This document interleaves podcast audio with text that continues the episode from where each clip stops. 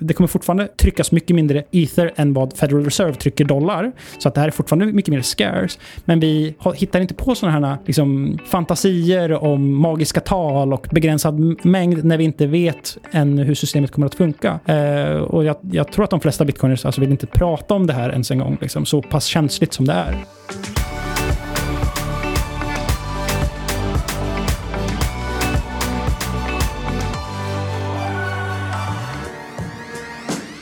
Då är vi tillbaka med ytterligare en vecka där vi fördjupar oss i eh, ethereum med Erik Wall som förvaltar Nordens enda och eh, första och enda kryptofond. Välkommen tillbaka Erik. Hej, hej, tack. Och du lyssnar på Outsiders med Syding och Svan och det är jag som är Syding. Jag som är Anna och Micke är ofantligt trött på att jag aldrig presenterar mig själv i den här podcasten så jag har eh, slutat göra det med flit. Vi kanske kan få vår eminente ljudredigerare och effektman han Alexander Martin att vända på presentationen? Nej.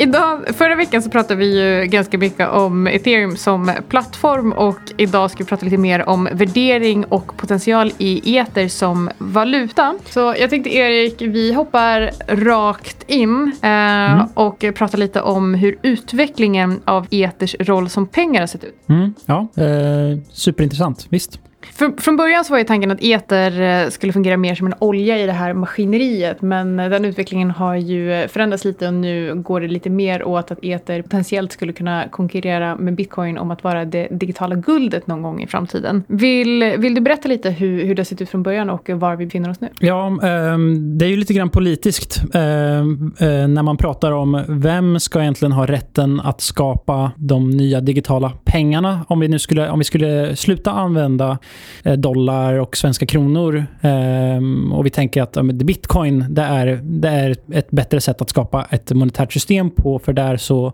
kan man eh, eh, gemensamt begränsa antalet bitcoins som finns.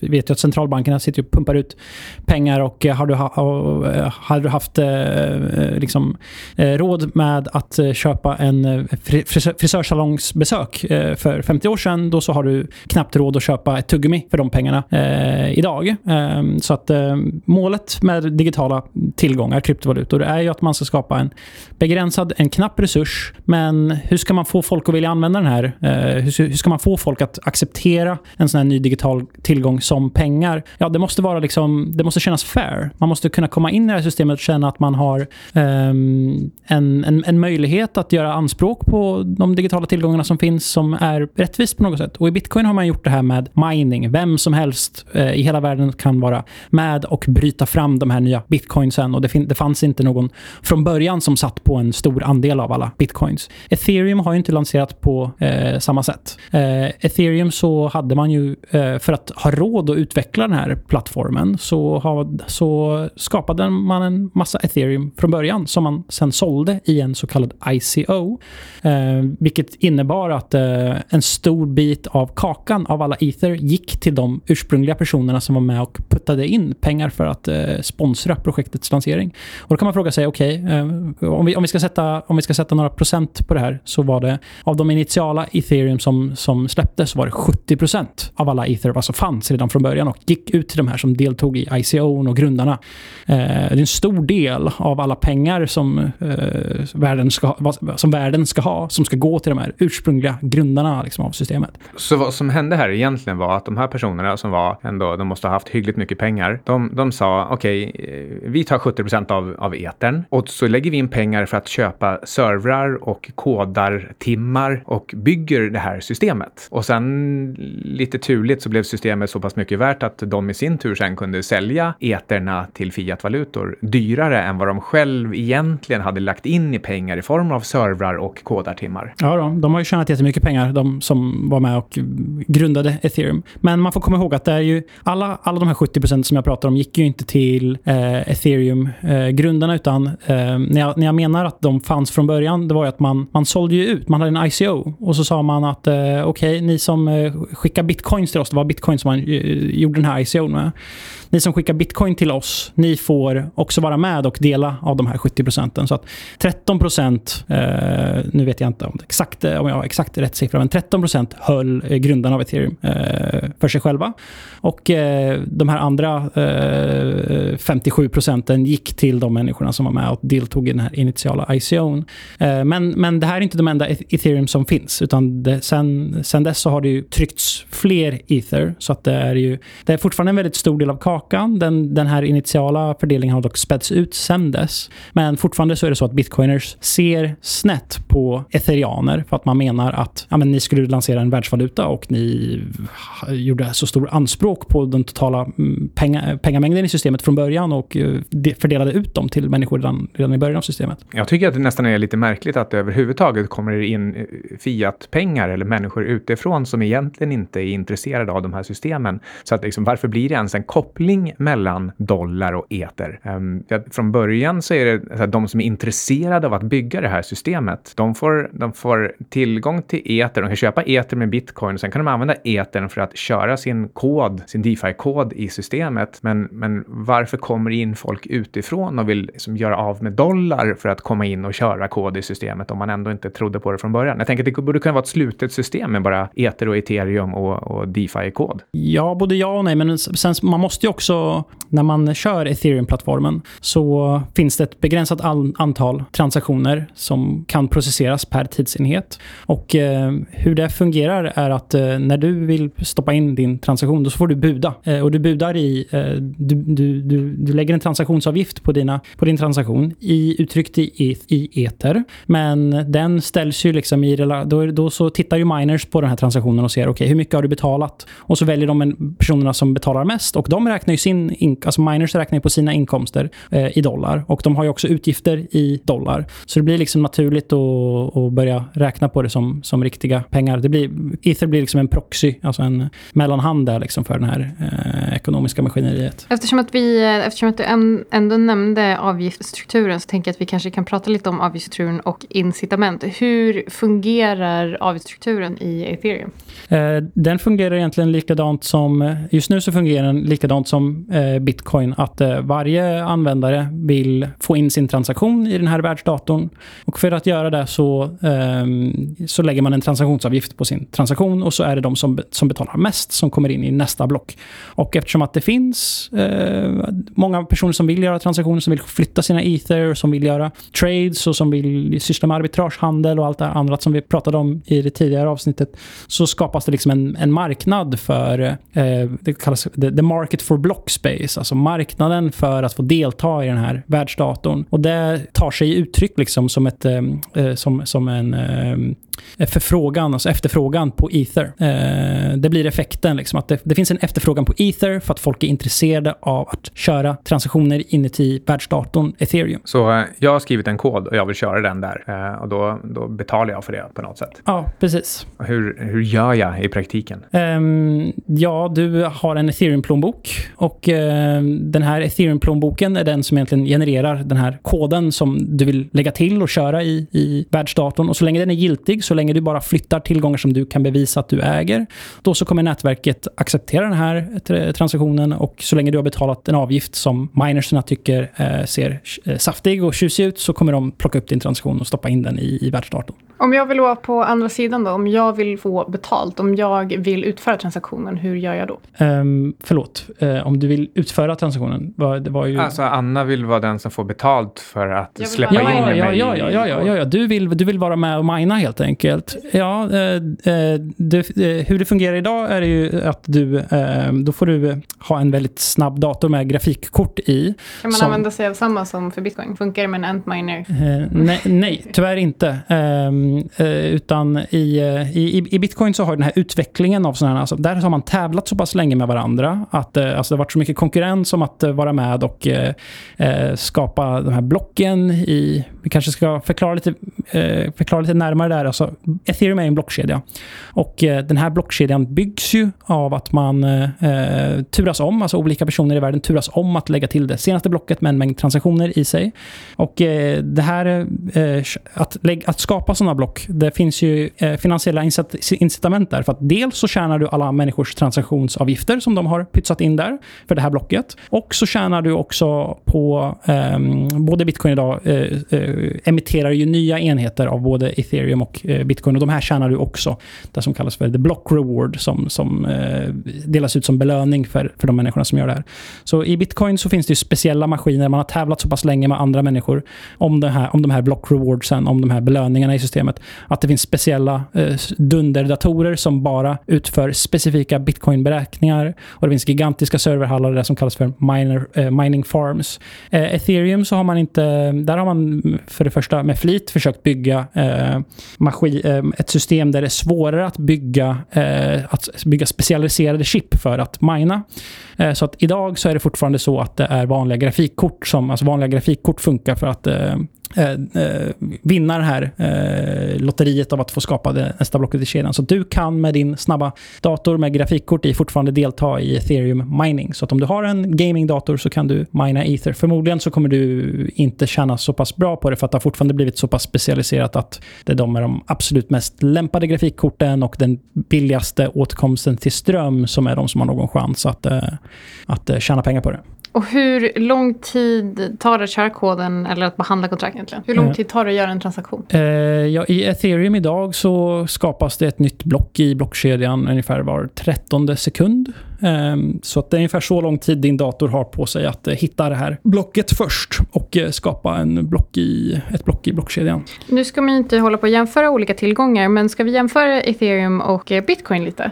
Ja, um, det kan vi göra. Vi kan börja med hur många det finns. Det finns ju, eller det ska finnas totalt 21 miljoner bitcoins och det är en hård gräns som från 2009 har varit där. Maximalt antal 21 miljoner enheter. Det gör det väldigt enkelt att förstå ehm, när man köper bitcoin. Ja, men hur stort antal av den totala mängden får jag egentligen? Eh, likadant fungerar det inte i ethereum, utan i ethereum så finns det eh, 110 miljoner miljoner eh, ether idag. Och det är ingen som kan säga exakt ifall det kommer finnas 150 om 10 år eller 120 eller 200. Det är, eh, där har man en, en, annan filosofi. Man menar att, eh, ehm, man, för det första så, så menar e, ethereaner idag att det här som bitcoiners säger, att det bara kommer finnas 21 miljoner i slutet av eh, när systemet eh, har rullat i 100 år. Det är en dröm, menar man. Man, man säger att eh, ehm, systemet kan behöva... eh, för att ett en liten inflationstakt? Ja, man, man, kan behöva en liten inflationstakt i kryptovalutan för att den ska vara säker. För att man måste skapa incitament för de här minersen att komma in och gräva och bygga på blockkedjan hela tiden. Och i bitcoin så vill man att det här ska gå över helt till att fungera på transaktionsavgifter. Men eh, marknaden för transaktionsavgifter, den liksom, ibland så är det väldigt högt tryck på att göra bitcoin-transaktioner och då så är folk villiga att betala eh, upp till 200 spänn för att få göra en bitcoin-transaktion i, i liksom det absolut mest liksom, när det är som mest tryck. Sen andra dagar när det inte lika högt tryck, då så betalar folk liksom två kronor. Så den här eh, block reward, den här, den här incitament, de här ekonomiska incitamenten för att vara med, vara med och driva systemet, om det ska gå helt på transaktionsavgifter, det går upp och ner. Det är liksom, den vol, alltså marknaden för blockspace är volatil och det gör att säkerheten i systemet blir volatilt. Så ethereum har en annan filosofi där man säger att okej, okay, vi bestämmer inte något fixerat antal, men vi ska lägga oss på en så låg nivå som möjligt, men ändå ha en en, harmonisk säkerhet i systemet. Och det här att det, att det var så från början hade väl lite att göra med, som vi pratade om i förra avsnittet, att eter inte riktigt var tänkt, i alla fall inte uttalat, att eh, konkurrera med bitcoin som, som ett digitalt guld. Men, men så håller man på att ändrar egentligen eh, politiken inom eter för att bestämma sig för vad, vad det ska bli i framtiden egentligen. Och ett eh, EEP som jag skickade till dig och frågade vad det betyder egentligen var ju 1559 där man pratade om att bränna base och vad det skulle kunna betyda för eters scarcity egentligen. Ja, oj, nu, nu går du verkligen in här och ja. Eh, totalnördar och eh, svänger med superavancerade begrepp. Men vi kan ju eh, vi, un, vi, kan un, vi kan unpacka det här lite grann. Anna pratar om någonting som heter EIP 1559. Det står för Ethereum Improvement Proposal. Det är alltså en eh, bit av kod som man vill lägga till i liksom grundarkitekturen av ethereum som ska förändra hur logik logiken i ethereum-plattformen fungerar. Och eh, idén med den här EIP, vad man vill åstadkomma med den, det är att, det som jag pratade om tidigare, att transaktionsavgifter är eh, supervolatila. Man vill harmonisera det där. Eh, så att man vill, man vill skapa en basavgift som alla måste betala. Och den här förändras, den här förändras liksom på ett harmoniskt sätt med efterfrågan och eh, tillgång på ett liksom långsammare sätt. Så att man har liksom någon slags stabil eh, transaktionsavgift i, i systemet. En, som en decentraliserad marknadskostnad. Ja, eh, precis. Det är liksom, eh, lite mer typ centralstyrt på något sätt. Det är, inte helt, det är inte helt upp till marknaden vad de här transaktionsavgifterna blir. Men det som är intressant med den här EIPn, det är att man bränner ju en del av transaktionsavgifterna där. Och det gör ju att en del ethereum nu försvinner. Alltså om, man, om den här EIPn går igenom, nu har den inte gjort det än, det är ett, eh, alltså ett, ett utvecklingsförslag. Om den här EIPn går igenom så kommer en del ethereum att brännas vid varje transaktion, vilket kommer att göra, alltså öka scarcity, alltså minska antalet ethereum som finns i plattformen. Men anledningen till att man kan hålla på och eh, tänka om den här avgiftsstrukturen i ethereum på nya olika dynamiska sätt, det är att man har den här annorlunda filosofin. Man har inte ett begränsat ethereum som ska eh, myntas. Eh, så att i och med att man har fler rattar att leka med så kan man göra sådana här grejer i ethereum. I bitcoin så hade man inte kunnat göra det för att då hade man behövt bryta mot den här monetära, eh, the monetary policy och eh, ja, det hade förstört konceptet för det hade varit mindre förutsägbart då i bitcoin. Det låter som att ethereum-communityn, den är liksom lite mer både mysig och eh, pragmatisk, där man eh, tar hänsyn till hur ska man få ihop det här liksom, över tid och, och, så anpassar man avgifter och systemets storlek och användning, alltså så här, lite med så här, lite central, centraliserad touch, mm. men ändå hela tiden eh, ändå styrt av ett konsensus som är ute efter att bara få systemet att bli så, så stort och användbart som möjligt. Och även om du då inte kan vara säker på att om du köper en eter idag så är det en 120 miljontedel för all tid, så spelar inte det så himla stor roll för att om, om den här pragmatiska, mysiga approachen gör att systemet blir tio gånger så stort som liksom, antalet nya coins, så kommer man ju ändå få en store of value som inte bara är en store of value utan som också växer per enhet. Ja, men det, är, det är exakt så och det är... Um, um, det, det, man kan till och med... Alltså, e-, ethereaner menar ju verkligen att uh, bitcoiners ljuger dels för sig själva och att de också ljuger för allmänheten när man säger att det bara kommer finnas 21 miljoner mynt. Det här är alltså extremt... Alltså att, att, att om du kommer in och vågar kritisera den här 21 miljon gränsen i bitcoin och säger att den här är bara hypotetisk, vi vet inte ifall systemet kommer vara säkert med en 21 miljoner gräns. Om du börjar prata om sådana grejer, alltså då för hela konceptet med digitalt guld kollapsar ifall vi börjar uttrycka eh, osäkerhet kring eh, den här eh, fixerade mängden. Så att bitcoiners, vi vill, vi vill, de vill inte röra med tång i någon fråga som ens uttrycker någon osäkerhet för att det här systemet skulle kunna vara säkert i, fortsättningen. Och det är det här som ethereaner nu utnyttjar till sin fördel och säger att ja, ni, ni tänker låtsas om som att eh, transaktionsavgifterna och allt det här är liksom system som kommer att funka och vara harmoniskt. Men vi, vi, vi gör inte så, utan vi, vi kommer att se hur, hur, systemet, hur, hur stabilt det här systemet eh, när det är uppe och rullar och så kommer vi justera utifrån behov och, och vi kommer fortfarande, alltså en, en, en, det kommer fortfarande tryckas mycket mindre ether än vad Federal Reserve trycker dollar. Så att det här är fortfarande mycket mer scarce. Men vi hittar inte på sådana här liksom, fantasier om magiska tal och begränsad mängd när vi inte vet än hur systemet kommer att funka. Eh, och jag, jag, tror att de flesta bitcoiners alltså vill inte prata om det här ens en gång, liksom, så pass känsligt som det är. Innan vi går vidare så vill vi tacka vår partner Fontobel. Och Fontobel har ju alltså varit med i Outsiders i princip sedan start och vi är faktiskt väldigt glada att de vill fortsätta jobba med oss. Och eh, de är alltså en schweizisk bank som startades 1936 så det är med andra ord en trygg bank att luta sig mot. Eftersom vi kommer att prata om ethereum idag så vill vi såklart lyfta deras trackercertifikat mot kryptovalutor. De har både Ether och bitcoin men även Ripple och Litecoin.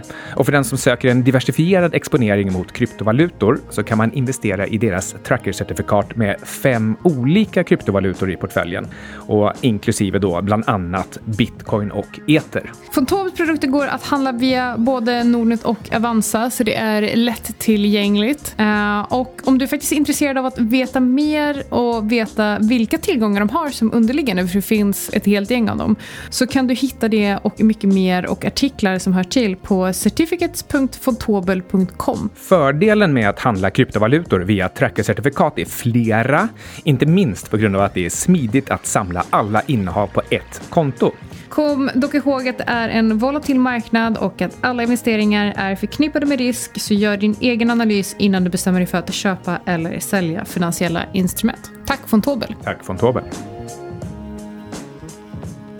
ska, vi ska gå in lite mer på bitcoin på ethereum faktiskt. Men innan vi gör det så tänkte jag att vi kunde prata lite om hur ska man egentligen värdera en eter idag? Um, ehm, ja, där, där har det funnits uh, teorier om att man, eh, man tittar på den här, man, man, man ser det som ett, okej, okay, men ethereum är en världsdator och efterfrågan på ethereum, alltså på, förlåt, på ether, det kommer att eh, avgöras av hur många vill köra, eh, hur många vill stoppa in sina transaktioner och köra kontrakt inne i i ethereum-världsdatorn. Så då sitter man och räknar på det här. Att, ja, men om vi säger att det är 100 personer eh, per liksom, block eh, och de kan tänka sig betala så här mycket för att få in sin transaktion. Ja, men då vet vi att efterfrågan på ether kommer se ut så här mycket.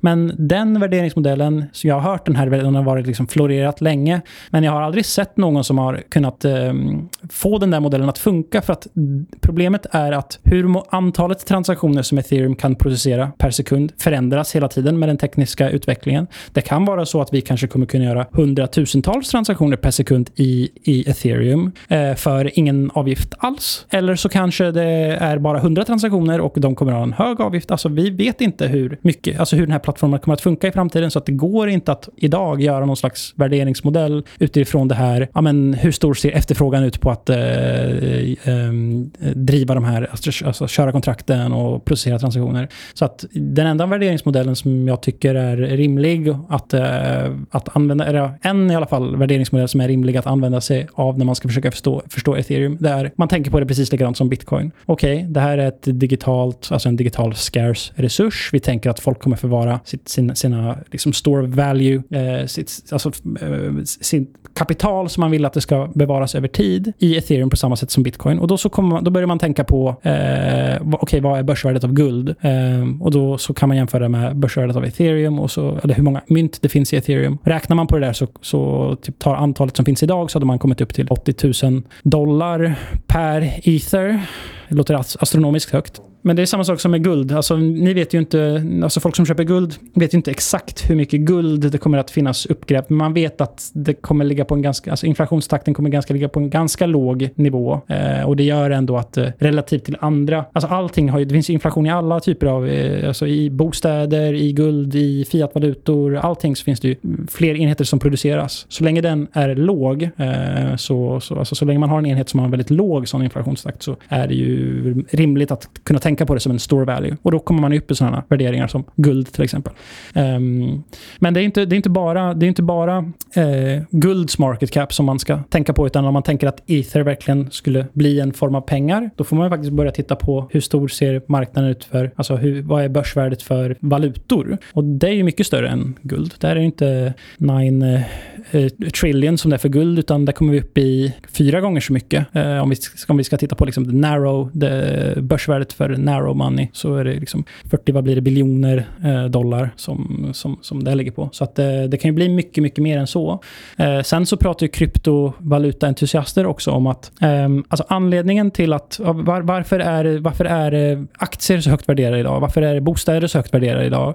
Jo, det är för att vi, inte, vi kan inte förvara vårt kapital i pengar. Pengar tappar ju värde hela tiden. Så att vi kan inte man kan inte sitta med eh, liksom sin, sin miljon på sitt bankkonto, utan man måste gå och stoppa in det i någonting annat. För att det trycks mycket, så mycket nya pengar hela tiden. Men om vi hade digitala, alltså kryptovalutor som våra pengar istället och där så trycks det inte nya pengar i samma utsträckning längre. Då måste man inte gå och köpa liksom, bostäder för flera miljoner kronor. Man måste inte eh, stoppa in allting i indexprodukter på aktiemarknaden. Så hur mycket, hur stor, alltså hur stor hade värderingen kunnat bli egentligen av digitala, alltså av kryptovalutor om det verkligen sväljer hela det här efterfrågan att bara bara liksom få eh, bevara sitt kapital och få liksom en avkastning på sitt kapital också. Jag tror att om man börjar tänka i de banorna, då kommer vi upp till eh, liksom 200 biljoner dollar. Alltså guld är 9 biljoner dollar och eh, hela store value-marknaden, om vi tar in aktier och eh, eh bostäder och sånt, då kommer vi upp liksom eh, 20 gånger högre eller ännu mer egentligen. Ehm, så att det finns ju, det kan ju bli astronomiskt eh, högt värde på kryptovalutor. Så potentialen eh, behöver vi väl kanske inte betona att vi, eh, vi tycker är stor. Eh, för det har vi pratat om ganska många gånger innan, både jag och, eh, och Micke och du också när du varit här tidigare. Men jag tänkte innan vi, egentligen som avslutning så ska vi gå tillbaka igen för att prata lite bitcoin och e tillsammans. Och vi har pratat lite om att det finns den här konflikten mellan eh, eterianer och bitcoiners egentligen. Men vad, vad tror du egentligen i dynamiken mellan eter och bitcoin det som gör att många känner att de måste välja antingen eller och var står du? Um, ja, jag har ju ett, ett, tag varit en av de personerna som menar att uh, det finns uh, liksom en symbios mellan ethereum och bitcoin och att ethereum är en liksom, superintressant plattform för att driva det här finansiella systemet. Men måste det vara ether som är liksom the unit of account, alltså det som man köper saker och ting med inuti ethereum? Ehm, um, det, det, vet jag, det vet jag inte ifall det, det, det kommer att bli för att um, dels så kan du ha bitcoin inuti ethereum. Alltså det finns, det finns bitcoin tokens inuti ethereum som är hyfsat, hyfsat eh, säkra att, eh, att använda sig av och, och, och köpa saker med. Eh, sen så finns det ju dollar också. Så du har liksom den mest, eh, du har liksom bitcoin som är den absolut mest rigida eh, decentraliserade kryptovalutan. Och så har du också dollar som är den minst volatila och den mest liksom välanvända formen av pengar. De här två liksom bossarna ska ethereum på något sätt försöka eh, konkurrera med. Eh, Eh, dock så finns det ju ehm, en eh, liten element i ethereum som, som, eh, som talar till ethers fördel och det är att vill du, ha, vill du på riktigt ha eh, censurresistenta dollar inuti ethereum och censurresistenta bitcoins inuti ethereum. Alltså vill du ha, vill du, ha liksom, vill, vill du använda de här dollarsen och bitcoinsen i ethereum på ett decentraliserat sätt, då så kräver det att man säkrar upp dem med ether. Det här blir kanske komplicerat för folk att förstå, men eh, vill man ha decentraliserade tillgångar i Ether så skapar det ett, en efterfrågan på Ether också. Så att det går inte för bitcoin att äta upp Ethers kaka. Det går inte för dollar att äta upp Ethers kaka om man inte eh, väljer att eh, ta bort vissa av de här fördelarna som man får av eh, att ha de valutorna inuti Ethereum eh, till att börja med. Jag kommer på en sak om, angående det här med 21 miljoner bitcoin. Så, eh, kort fråga först. Hur många är försvunna? Vet man det? Um, man räknar med att ungefär 3 miljoner, 3 mellan 3 och 4 miljoner skulle kunna vara försvunna. Men jag tror att det är, um, att det är en eh, överskattad siffra. För att man har till exempel höftat och tänkt att amen, så, antagligen så, liksom, så många av de här bitcoinsen som minades till, till en början, liksom 2009-2010. Vi vet liksom att det är hårddiskar som har försvunnit och bara liksom att kommunicera med, med, människor i branschen så är det så många som pratar om att åh, jag hade, jag hade så många bitcoin men alla de är borta nu. Eh, men, men nu senaste tiden och bara för egentligen några, några dagar sedan så såg vi att bitcoins från 2009, eh, alltså som minades 2009 och inte har rört en enda gång sedan dess, flyttades. Så att nu har de här liksom gamla bitcoinsen som många människor har trott egentligen har varit försvunna, har rört på sig. Eh, så det är att, han Russ Hanneman som har gått runt i dampen och liksom letat upp gamla så här thumb drives och han hittat har hittat den precis nu till slut. Ja, så kan det vara. Men jag tror att, jag tror att det att det kan vara så att vi har överskattat hur många som det egentligen är som är försvunna. Så jag skulle, jag skulle personligen tro att det kanske är 2,5 miljoner bitcoin som är borta. Om vi räknar med att Satoshi också, också, eh, att hans mynt också verkligen är borta. Eh, och sen eh, fråga nummer två då, när, när, du pratar om att eh, när alla är minade och man bara ska sköta säkerheten i systemet genom transaktionsavgifter så sa du att ja, men det, det, kan eventuellt bli ett problem om det, inte, om det inte sker tillräckligt mycket transaktioner. Men om vi eh, är ganska långt in i framtiden och ser att det här systemet har blivit ganska lyckat, då pratar vi inte om ett market cap på 150 miljarder dollar utan det kanske liksom är ja, men, vi pratar om 10 till 100 gånger så stort. Och då behöver det kanske inte vara så många procent transaktioner för att priset på dem ska vara tillräckligt. Eller är det andelen av det totala som finns utestående som är problemet för att hålla säkerheten? Det som gör att den här frågan är så komplex är att de här transaktionerna sker på olika lager inuti arkitekturen av systemet. Om allting sker på baslagret av systemet, alltså den här liksom blockkedjan ethereum, eh, ja, då går ju alla avgifterna till de här som ska säkra upp systemet. Men om vi tittar på hur olika skalbarhetsteknologier ser ut i ethereum idag, så finns det liksom aggregerare som sitter ett lager ovanpå och aggregerar ihop en massa transaktioner. Och de tar avgifter. Och de är inte med och skapar liksom säkerhet för baskedjan. Så att eh, även ifall vi kanske kommer göra hundratusentals transaktioner så är det inte säkert på att alla de transaktionerna kommer att ligga och betala avgifter till, eh, till, till miners. Så det kan fortfarande bli så att ifall du vill vara inne och liksom flytta runt ethereum i den här monetära basen, alltså det som skulle vara analogin till liksom the Federal Reserves balance sheet, eller banken Eh, vill du flytta runt pengar där så kan det fortfarande vara så att då så får du betala mycket i, i, i avgift. Och det är de som ska gå till att säkra systemet. Så därför blir det jättesvårt att liksom säga egentligen, alltså det, det, det, är just därför som ethereum har den här eh, minimum viable issuance, för att vi vet inte vart kommer transaktionerna ske, på vilket lager i systemet och hur mycket avgifter kommer miners kunna suga upp och, och, och ha som incitament. Mm, och, det, och det här gäller alltså också bitcoin, så det spelar ingen roll hur stort det totala market cap på bitcoin blir. Um, det är ändå ett problem om man inte ger ut nya. Ja, alltså det kan ju till och med bli så i bitcoin att de flesta transaktionerna sker liksom inuti centrala aktörers interna databaser och där flyttas jättemycket bitcoins runt. Ehm, och de bara liksom, det är egentligen bara så stor, stora bjässar som settlar på bitcoin, ba, bitcoins baslager som ska betala de här avgifterna. Ehm, så att bitcoin har också det problemet, vilket gör att uh, ja, alltså ethereanerna kanske har lite rätt i att uh, alltså jag, jag, jag tycker att det är så himla svårt för att vi eh, det är för tidigt att börja röra runt idag och eh, eh, prata om vilken inflationstakt som de här kryptovalutorna ska ligga på för att det som man försöker göra det som man försöker få in i folks huvuden överhuvudtaget med kryptovalutor, det är att det är en begränsad, det är i alla fall en, det är en ganska, det är, en, det är förmodligen kanske en helt begränsad mängd. Alltså i optimistic, in the optimistic case så är det en helt begränsad mängd. I värsta fall så är det en liten, liten inflation. Eh, men så fort man börjar prata om att det är en liten inflation, då så här, ja men är det en begränsad mängd eller är det, en, eh, är det upp till, alltså är det ett frågetecken där? Och det, då så förstör man, alltså så här, man förstör, då kommer inte människor kunna knyta sig an till att det faktiskt finns digital scarcity i de här produkterna. Och eh, då förvirrar man människor. Så bitcoiners, vi vet ju om, alltså, vi vet, alltså de mest eh, insatta bitcoiners, vi vet om att det här med att transaktionsavgifterna ska betala för all säkerhet i systemet, att det är liksom en sanning med lite, kanske lite, lite, lite, lite modifikation. Men det vill inte lämna den där lilla modif mod, eh, eh, modifikationen för att då kollapsar liksom hela den här starka memen om att bitcoin är the most scarce resource in the world och vi vill inte vara där. Vi vill prata om det här på, på ett mer optimistiskt sätt, i alla fall nu, och lämna de här diskussionerna. För det här är ändå problem som vi pratar om som kommer komma liksom 50 år down the road. Det här är liksom inte ens någonting som påverkar människor idag. Liksom.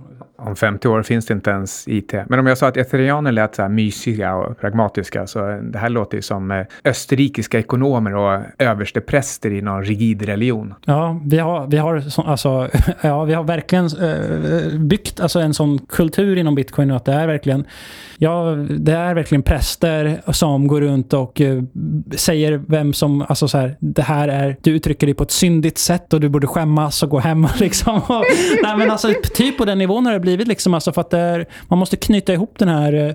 Jag vet ju vem som är bitcoin messias i alla fall. Jag misstänker att du kan gissa vem jag tycker det är det. jag vill i alla fall helst ha eter de kommande 12 månaderna. Obs, ingen rekommendation. Måste man välja det? Vi kan avsluta med det. Måste man välja Erik? Alltså, jag tror att faktiskt, jag tycker att Ether är lite undervärderat just nu. Just, alltså, jag tycker att eh, folk äh, har inte fullkomligt insett vad den här plattformen kommer att vara kapabel till att åstadkomma när alla de här olika... För att det som har varit Ethereums ähm, eh, liksom nackdel. Det är att man har haft massa galna researchprojekt och så har allting bara blommat ut till, en, till ett fiasko. Alltså man har pratat hur länge som helst om att ja, men vi kommer kunna skala det här systemet och sen när man tittar på vad ethereum-plattformen verkligen har åstadkommit så har de inte åstadkommit mycket.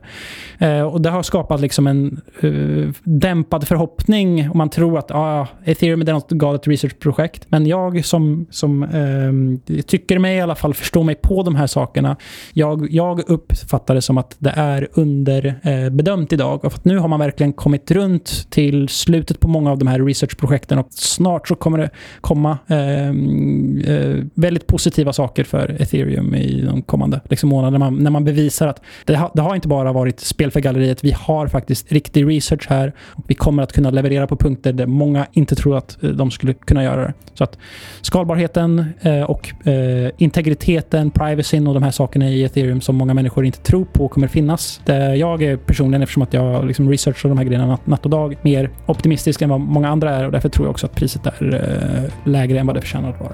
Och med den extremt ändå bullish utläggningen så har du lyssnat på? Tack Erik Wall. Outsiders. Tack ska ni ha. Erik når man på erikarcane.no.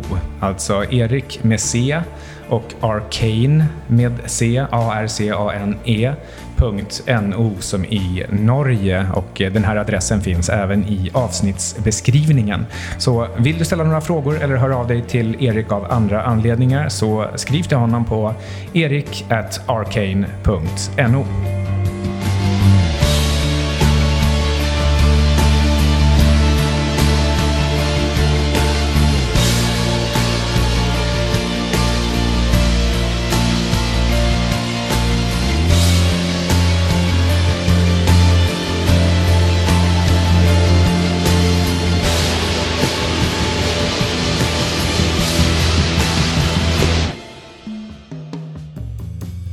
Som du har hört i eh, Outsiders har varit någon typ av eh, rekommendation. Så hur du än gör, försök inte få det till en rekommendation heller. Utan alla placeringar är förknippade med risk som gör att du kan förlora hela eller delar av ditt kapital. Vi äger emellanåt uh, vissa av tillgångarna som vi diskuterar i den här podcasten och våra sponsorer tar inget som helst ansvar för hur du handlar i de tillgångarna. Podcasten är menad för information och underhållning även om vi förstås själva gör så gott vi kan när vi tittar på de olika tillgångarna. Hej då.